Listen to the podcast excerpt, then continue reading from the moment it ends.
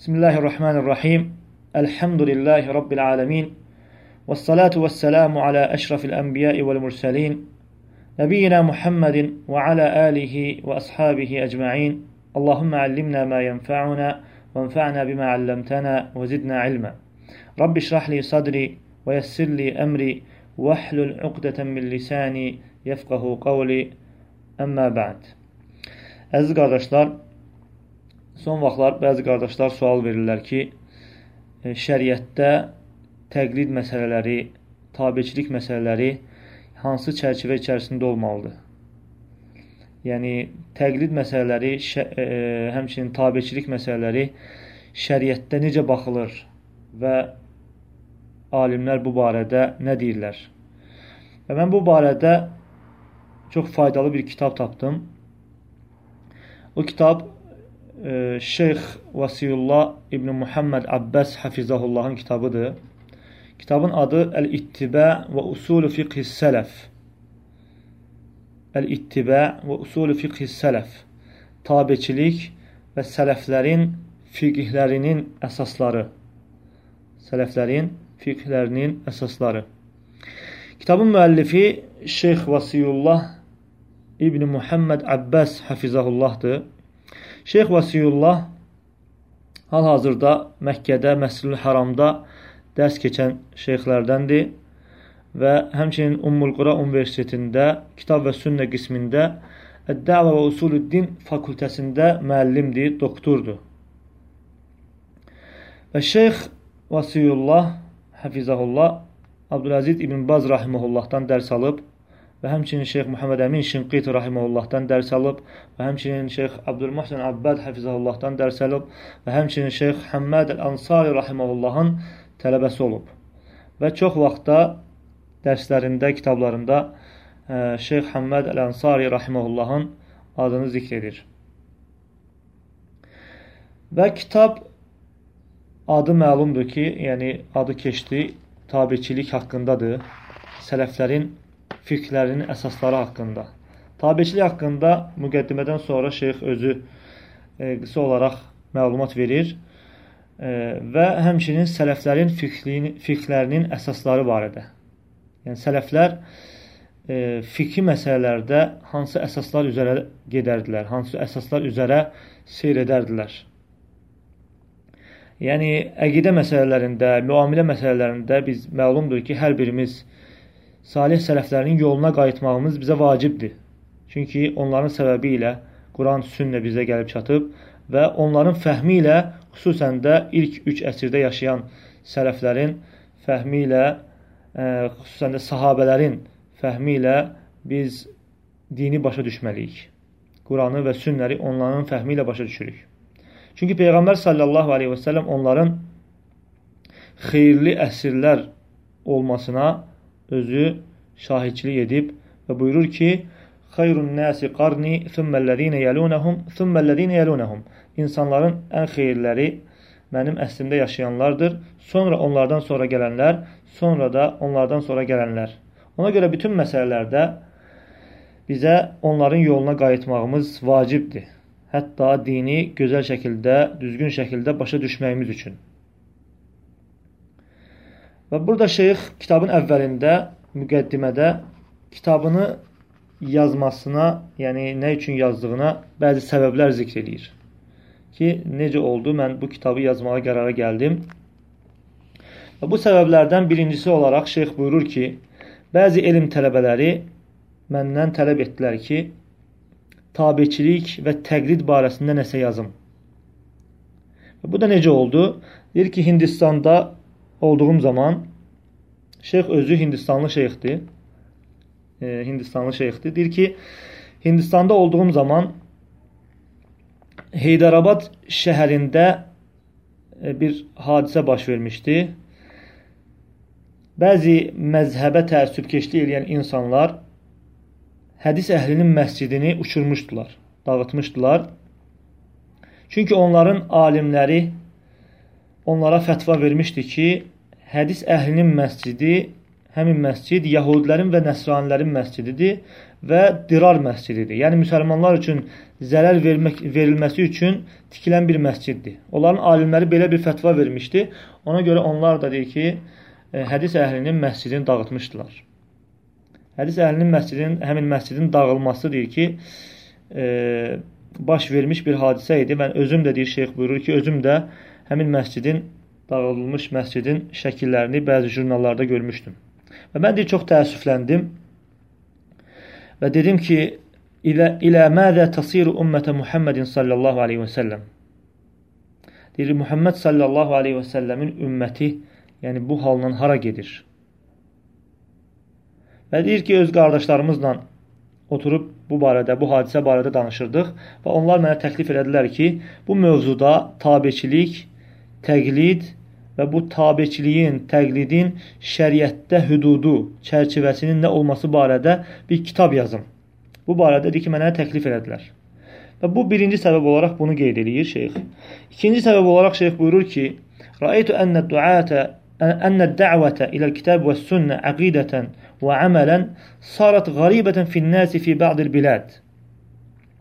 Gördüm ki, deyir, bəzi ölkələrdə əqidə baxımından, əməl baxımından, baxımından kitab və sünnəyə dəvət etmək bəzi insanlarda yəni qəribə qəbul olunurdu. Yəni hər hansı bir məzhəbə təəssübkeşlik etmədən kitab və sünnəyə dəvət eləmək deyir ki, bəzi insanlarda qəribə qəbul olunurdu. Və əksinə deyir ki, bəziləri bu məsələni eyb görürdülər. Və həmin insanları Kim ki kitab və sünnəyə dəvət eləyir, onlara ləqəblər qoşurdular. Deyirdilər ki, o dinsizdir, təqlid eləmir, məzhəbsizdir və bu kimi başqa ləqəblər qoşurdular ki, insanları onlardan qaçırmaq üçün.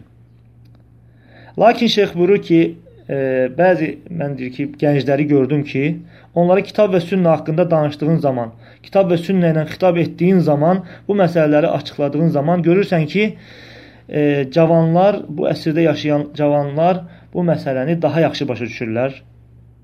E, amma yəni şey köhnə həmin o məzhəbə təəssübkeşlik edən insanlardan dərs alan, yəni yaşlılardan fərqli olaraq cavanlar deyir ki, daha yaxşı başa düşürlər. Və sonra üçüncü səbəb olaraq şeyx qeyd edir ki, mənə deyir ki, nə qədər yəni baş verdi ki, dərslərimdə, mühazirələrimdə bəzi insanlar qalxaraq məndən sual soruşurdular. Deyirdilər ki, sən hansı məzhəbə təqlid edirsən? Hansı cəmaata nisbət olunursan? Mən də deyir, sual verənin cavabını e, belə verirdim ki, deyirdim ki, mən heç bir məzhəbə təqlid eləmirəm. Əksinə, hansı məsələdə ki, e, kitab və sünnəyə müvafiq olan məsələlərdə yəni mən bütün məzhəblərə tabi oluram. Hansı məzhəb, hansı məsələdə kitab və sünnəyə müvafiqdirsə, mən həmin məsələdə o, o məzhəbə tabiyəm. Çünki o məzhəb həmin məsələdə kitab və sünnəyə müvafiqdir. Və imamlardan hər hansısa birinə özümü nisbət eləmirəm. Təəssübkeşlik eləyərək ki, mən Hənəfiyəm və yaxud da Həmbəliyəm və yaxud da Şafiyəm və yaxud da Məlikiyəm deyə yəni təəssübkeşlik edərək hər hansı bir məzhəbə özümü nisbət eləmirəm. Və yaxud da hər hansı bir cəmaata özümü nisbət eləmirəm. Yalnız əhlüsünnə vəl cəmaədən başqa. O da nəyə görə? Əhlüsünnə vəl cəmaə yəni nədir? Kitab və sünnə üzərində olduqlarına görə. Xalis dini təmsil etdiklərinə görə. Və İslam dini də hansı dindir? İslam dini də o dindir ki, Peyğəmbər sallallahu aleyhi və səlləmin vaxtında əqidə baxımından, əməl baxımından tamamlanmış bir dindir. Və mən bu cavabı verdiyim zaman görürəm ki, sual verən insan mənim bu cavabımla qani olmur. Və deyir ki, keyfə yumkinu ən yekunə muslimən və la yuqallid əhədən minəl əyimmətil ərbəə. Necə mümkün ola bilər ki, müsəlman olasan, dörd imamdan kiməsə təqlid eləməyəsən. Və hədə yüsəmmə lə məzhəbiyyən. Deyir ki, deyir, e, bu məzhəbsiz adlanır. Deyir, həmin sual verən deyir, qani olmadan deyirdi ki, yəni belə olmaq, belə eləmək, yəni insan, belə olan insan deyir, məzhəbsiz adlanır. Və şeyx buyurur ki, mən deyir, çox insanlar, xüsusən də deyir ki, müsəlmanların əksəriyyəti gördüm ki, dörd məzhəbdən birini təq təqlid edirlər və ondan kənara çıxmağı heç cür caiz görmürlər. Və şeyx buyurur ki, məzhəbə təəssübkeşlik eləmək, istər əqidə baxımından olsun, istər fikri məsələlərdə olsun, müsəlmanların parçalanmasına gətirib çıxarır. Və bu da deyir, dində məzəmmət olmuş bir işdir. Və bu təəssübkeşlik bəzən müsəlmanların bir-birlərinə qarşı irzlərində, qanlarında, mallarında düşmənçilik eləməyə aparır. Və bu da İslam ümmətində e, köhnədən qalan, e, köhnə əsrlərdən gələn yəni bir xəstəlikdir. Və həmçin şeyx buyurur ki, məzhəbə təəssübkeşlik eləmək bəzi insanları Peyğəmbər sallallahu aleyhi və səlləmdən varid olan səhih və açıq aydın dəlilə müxalif olmağa aparır. Və deyir, mən bəzi kasetlərdə Hindistan alimlərindən birisinin dərsini eşitdim və dərsində, mühazirəsində həmin alim danışır. Deyir, nədən danışır? mühazirənin ümumi ünvanı belədir ki, səhih əqidəyə, sələfi səhih əqidəyə dəvət edən və həmçinin kitab və sünnə ilə əməl etməyə çağıran dəvətçilərə qarşı hücum. Deyir, həmin deyir, e, məzhəbçi alimin dərsinin ünvanı belə idi ki, ümumi yəni mövzusu bundan ibarət idi ki, kitab və sünnəyə əməl edən və səhih əqidəyə dəvət edən dəvətçilərə hücum. Və bu alim, məzhəbə təəssübkeşlik eləyən bu alim, danışdığı şeylərdən birisi də bu idi ki, deyirdi ki, deyir, mən əradə ən yanzura ilə cəməli nisai əhlil hədith fəlyəqif alə əbvabi məsacidihim. Kim ki, hədis əhlinin qadınlarının gözəlliklərini görmək istəyirsə, getsin onların məscidlərinin qapısının ağzında dayansın. Çünki onların qadınları məscidlərə gəlirlər. Xüsusən də cümə günləri və bayram günlərində. Və həmin alim də Hənəfi məzhəbində idi. Hənəfi məzhəbində təəssüb keçdiyi eləyənlərdən biri idi. Çünki Hənəfi məzhəbində qadınların məscidə gəlməsi caiz deyil. Və onlar Peyğəmbər sallallahu aleyhi və səlləmdən varid olan hədislərə, Peyğəmbər sallallahu əleyhi və səlləmin verdiyi rüxsətlərə, hansı qadınların məscidə gəlməsi üçün verdiyi rüxsətlərə heç məhəl qoymurlar. Və bu barədə hədislərdən Əbu Hüreyra radiyallahu anhu buyurur ki, Peyğəmbər sallallahu aleyhi və səlləm dedi ki, Lə təmnə'u imə Allahi məsəcidəllah və ləkin yəxrucnə təfələt. Allahın qullarını, yəni qadınları Allahın məscidlərinə gəlməsinə mane olmayın, lakin evdən çıxdıqları zaman ətirlənməmiş halda çıxsınlar. Bu hədisin isnadı səhihdir. Hədisi e, Əbu Davud rahimehullah Sünənində zikr edib və həmçinin İmam Əhməd öz Musnədində. Və həmçinin hədisin əsli e, Müslimdə gəlib, Səhih Müslimdə gəlib. Və şeyx sonra buyurur ki, mən bir gün deyir, Məscid-i Haramda, Məkkədə urdu dilində dərs keçirdim. Urdu dili Hindistan dilidir urdu dilində dərs keçirdim. Və dərsdə də deyir, bəzi müxtəlif məzhəblərdən olan insanlar iştirak edirdilər. Və bəzən suallar verirdilər. Bəzən bəziləri elm üçün sual verirdi, bəziləri bəzi məqsədlərinə çatmaq üçün, təyin eləmək üçün suallar verirdilər. Əqidə baxımından, mənhəc baxımından suallar verirdilər. Və onlardan bəziləri mənə belə bir suallar verdilər ki, yəni qadınların məscidə gəlməsi barədə qadınlar məscidə gəlməsi barədə və mən də adətim üzrə Peyğəmbər sallallahu aleyhi və səlləmin hədislərini ona oxudum. Peyğəmbər sallallahu aleyhi və səlləmin hədisləri bu barədə e, ki, hədislərdən həmçinin gəlib ki, Peyğəmbər sallallahu buyurur ki, Lə təmnəu imə Allahi məsacidəllah və buyutəhunnə xeyrun ləhun. Allahın qullarını, qadınları məscidlərə gəlməsinə mani olmayın. E, amma yəni evlər, evləri, onların evləri onlar üçün daha xeyirlidir. Və həmçinin başqa hədisdə İbn Ömər radiyallahu anhumadan gəlir ki, İbn Ömər radiyallahu anhuma qadınların məscidə gəlməsi barədə hədis zikr eləyəndə onun oğlu buna etiraz edir. İbn Ömər radiyallahu anhumanın oğlu e, etiraz edir. Deyir ki, Vallahi la nə'zən ləhünnə feyəttəxidnəhu dəğələ. İbn Ömər radiyallahu anhuma deyir ki, biz onlara izin verməyəcəyik qadınlara ki, məscidə geçsinlər. Çünki onlar e, qadınlar deyir ki, məscidə gedərək fəsad törədəcəklər. Və deyir İbn Ömər radiyallahu anhuma oğlunu söyür və ona qəzəblənir. Və deyir ki, mən deyirəm ki, Allah Resulü sallallahu aleyhi və səlləm dedi ki, onlara izin verin. Sən deyirsən ki, biz onlara izin verməyəcəyik.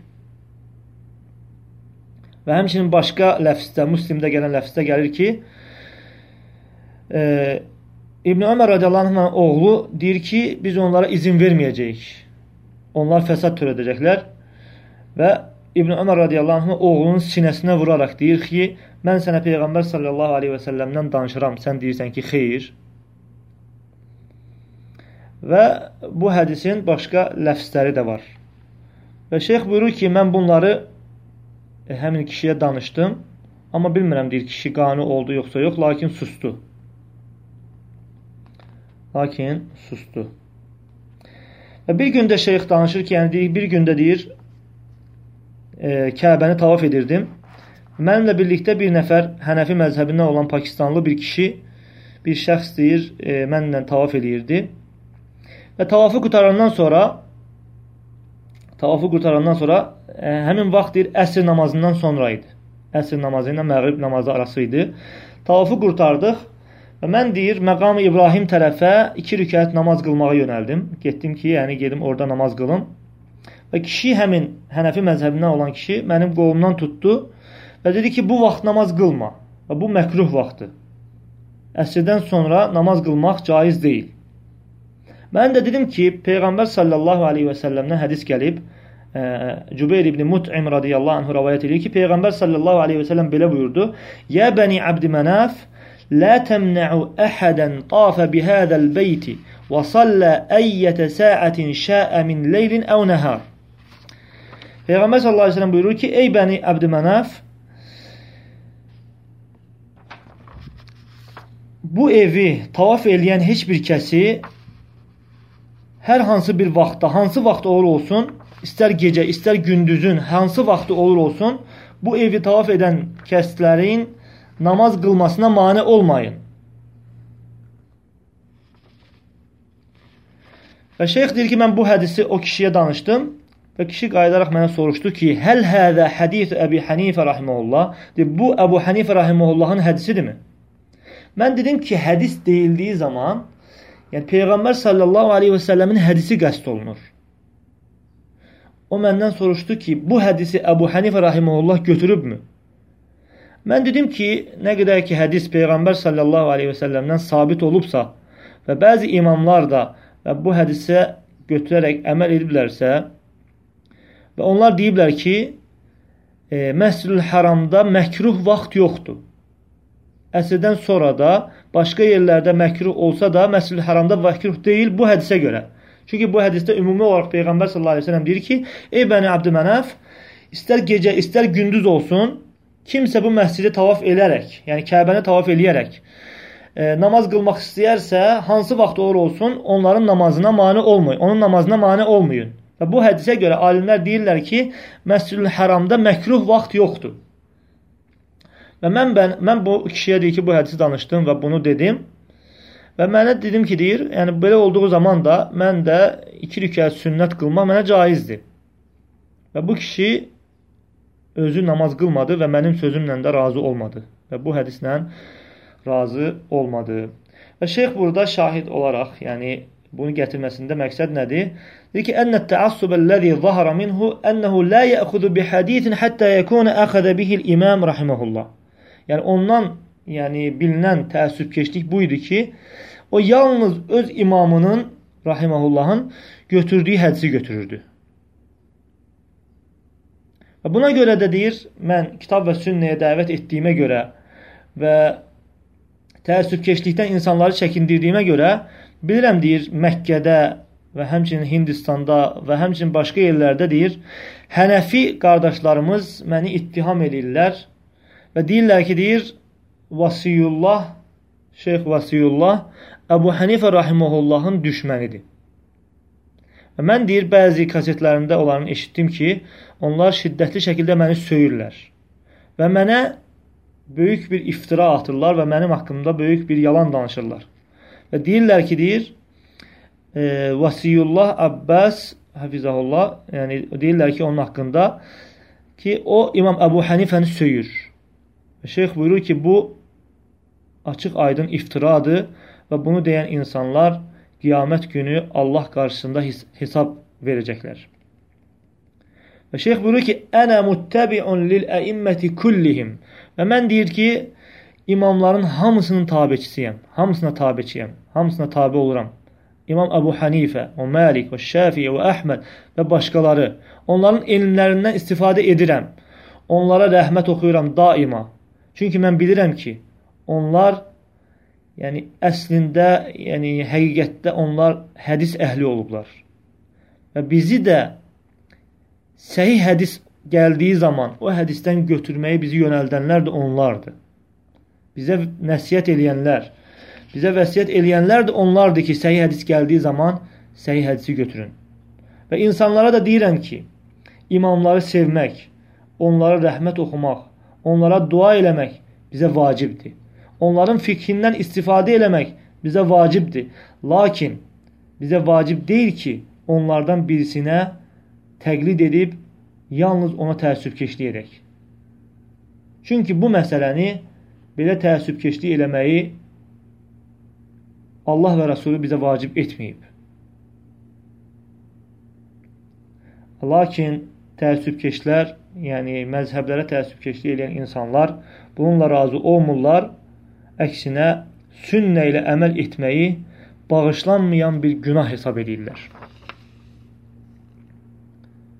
Və sonra şeyx buyurur ki, baxın deyir, 8 əsr Məscid-i Həramda baş verən hadisəyə, 8 əsr Məscid-i Həramda insanlar bir-birlərindən ayrı şəkildə namaz qılırdılar. Öz məzhəblərinə təəssübkeşlik etdiklərinə görə. Bu məzhəbçi, bu, bu imama tə, ə, e, təəssübkeşlik eləyən məzhəbçi o bir imamın arxasında namaz qılmırdı. O bir məzhəbdə olan insanın arxasında namaz qılmırdı. Hətta deyir ki, Məscid-ül Həramda 4 dənə imam dayanan yer var idi. 4 dənə imam namaz qılmaq üçün dayanan yer var idi. Çünki onlar hərəsi öz məzhəbinə görə ayrı-ayrı qılırdılar. Və bu da təəssübkeşliyin deyir fəsadlarındandır və təəssübkeşliyə dəvət eləyən və Peyğəmbər sallallahu aleyhi və səlləmin sünnəsindən insanları çəkindirən insanlara deyirəm ki, Ələ fəliyyəttəqullaha fi ənfusihim və fi ibadillah. Həm özlərinə görə, həmçinin də Allahın qullarına görə Allahdan qorxsunlar və insanları azdırmasınlar. Və sonra bəzi əsərləri burada şeyx qeyd eləyir. Ondan sonra müqəddimənin sonunda kitab haqqında qısa məlumat verir. Və şeyx buyurur ki, kitabda lüğətlə bağlı məsələlərə deyir ki, lüğət kitablarından dəlillər qeyd eləmişəm və şəri məsələlərdə də kitab və sünnədən səhabələrin əsərlərindən və onlardan sonra gələn sələflərin, onlara tabi olan sələflərin əsərlərindən dəlillər qeyd eləmişəm və kitabı da Əl-İttibə və Usulü Fiqh Sələf adlandırdım. Yəni tabiçilik və fiq, e, sələflərin fiqhinin əsasları. Və şeyx kitabı iki dənə qismə bölüb, iki qismə bölüb və hər qismin altında fəsillər qeyd edilib. Birinci qismin altında 9 fəsil qeyd edilib. 9 fəsil.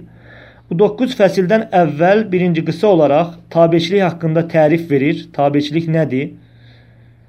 Tabeçilik deyəndə nə qəsd olunur və ondan sonra birinci fəsil olaraq insanların yaradılışı barədə və yaradılış qayəsi barədə birinci fəsildə qısa olaraq danışır. Və ondan sonra rəsulların göndərilməsi və rəsulların qövmlərinin müxtəlif olmaları və ondan sonra üçüncü fəsil qeyd edir ki, ümmətlər üçün rəsullarına qarşı nə vacib idi? Yəni rəsullara görə, rəsullara qarşı, yəni ümmətlərin boynuna nə düşürdü? Nə vacib idi onlar üçün? Və bu barədə 3-cü fəsil qeyd edir. 4-cü fəsil buyurur ki: "Əl-fətra beynən nəbiyyi sallallahu alayhi və səlləm və nəbiyyu sabiq lehu." Peyğəmbər sallallahu alayhi və səlləm və ondan əvvəlki peyğəmbər arasında olan zaman haqqında 4-cü fəsildə danışır. 5-ci fəsildə e, Peyğəmbər sallallahu aleyhi və səlləmin göndərildiyi zaman aləmin halı, insanların halı nə formada idi, o barədə danışır. 6-cı fəsildə sahabələr Peyğəmbər sallallahu aleyhi və səlləmdən dini hansı şəkildə götürdülər, o barədə danışır. 7-ci fəsildə e, Əmrullahi və Rasuluhu bittibə'in nəbi sallallahu aleyhi və səlləm. Allahın və onun rəsulunun Peyğəmbər sallallahu aleyhi və səlləmə tabi olmağa əmri barədə danışır. Və 8-ci fəsildə Mənhəcüs sahabə indəl ixtilaf bə'dən nəbi sallallahu aleyhi və səlləm Peyğəmbər sallallahu aleyhi və səlləmdən sonra sahabələr ixtilaf etdikləri zaman onlar nə edərdilər? O barədə danışır. Ondan sonra 9-cu fəsildə isə Təğayyirul hal bə'də xeyrul qurun xeyirli əsrlərdən sonra insanların halının dəyişməsi barədə danışır. 9-cu fəsildə. Ondan sonra ikinci qism qeyd eləyir. İkinci qismdə Ət-təfəqquh və fiqh sələf yəni fiqh öyrənmək, elm öyrənmək və sələflərin fiqhi barədə danışır və bunun altında 11 dənə fəsil qeyd edir. Və bu fəsillərdən birincisi elm almağın vacibliyi, ikincisi əl-fiqhu fid-din, dində fiqh, fiqh deyildiyi zaman nə qəsd olunur o barədə. Ondan sonra dində fiqh məsələlərində, furu' məsələlərində, yəni əsl məsələlərdə yox, əsaslarda yox, əsaslardan şaxələnən qollar məsələlərində onların təqsimatı barədə fəsil açır. Sonra 3-cü, 4-cü fəsil olaraq usulü fiqh sahabə Səhabələrin fiqhlərinin əsasları, onların fiqhinin əsası nə idi? Hansı əsas üzərə e, fiqhə əməl eləyirdilər? Elmə əməl eləyirdilər? O barədə. Ondan sonra 5-ci fəsil Əl-usululləti kənə yəbni aleyhəl əimmə fiqhəhum İmamlar öz fiqhlərini hansı əsaslar üzərində bina edirdilər? Bu məsələ çox mühümdür. E, imamlar öz fiqhlərini hansı əsaslar üzərində bina edirdilər? Ondan sonra 6-cı fəsil Əl-İstiftə vəl-Fətva Fətva tələb etmək və fətva vermək barəsində fəsl açır. 7-ci fəsil Vacibul Müstəfti e, Fətva tələb edənin üzərinə düşən məsələ nədir, ona vacib olan nədir? 8-ci fəsil Fətva verənin e, üzərinə düşən vacib nədir? Yəni yalnız rac olan, yəni daha doğru olan, dəlillə daha sabit olanı fətva verməsi, yəni bunun vacib olması barədə 8-ci fəsildə danışır. 9-cu fəsildə fətva verən insanın ixtilafı bilməsi barədə danışır ki, fətva verən insan ixtilafı bilməlidir və ixtilafda hansı məsələnin dəlil baxımından daha güclü olmasını bilməlidir ki, hətta o barədə onunla fətva versin. Və 10-cu fəsildə ixtilaf məsələlərində, ixtilaflı mövzularda fətva verən insanın əməli, yəni fətva verən insan ixtilaflı mövzularda necə fətva verməlidir? Və sonuncu olaraq 11-ci fəsildə şeyx buyurur ki, min ədəbil mufti zikru dəlilil məsələ. Və fətva verənin ədəblərindəndir ki, məsələnin dəlilini zikr etsin. Hər hansı bir fətva verdiyi zaman və fətva ilə bərabər həmin məsələnin də dəlilini zikr etmək onun ədəblərindəndir. Və sonda da son söz olaraq bunların hamısını xülasə edən, yəni xülasəsini e, bizə çatdırır həmin son sözündə şeyx və bununla şeyx kitabı tamamlayır. Və gələn dərsimizdə inşallah birinci başlanğıc olaraq birinci qismin əvvəlində gələn tabiçilik və onun tərifi barədə inşallah başlayıb davam eləyərik. Və bu dərslər inşallah Allahın izni ilə silsilə şəkildə çalışacağıq ki, davamiyyətli olsun. Allahın yardımı ilə Allah Teala bizə bu məsələdə yardım eləsin. Həqiqətən hər bir məsələ Allahın yardımı ilədir. Allah Teala bizi dində e, elmli olanlardan və bu elmə ən gözəl şəkildə əməl edənlərdən eləsin. Və sallallahu alə nəbiyyina Muhammed və alə alihi və sahbihi əcməin. İxlasla.com saytı tərəfindən təqdim olundu.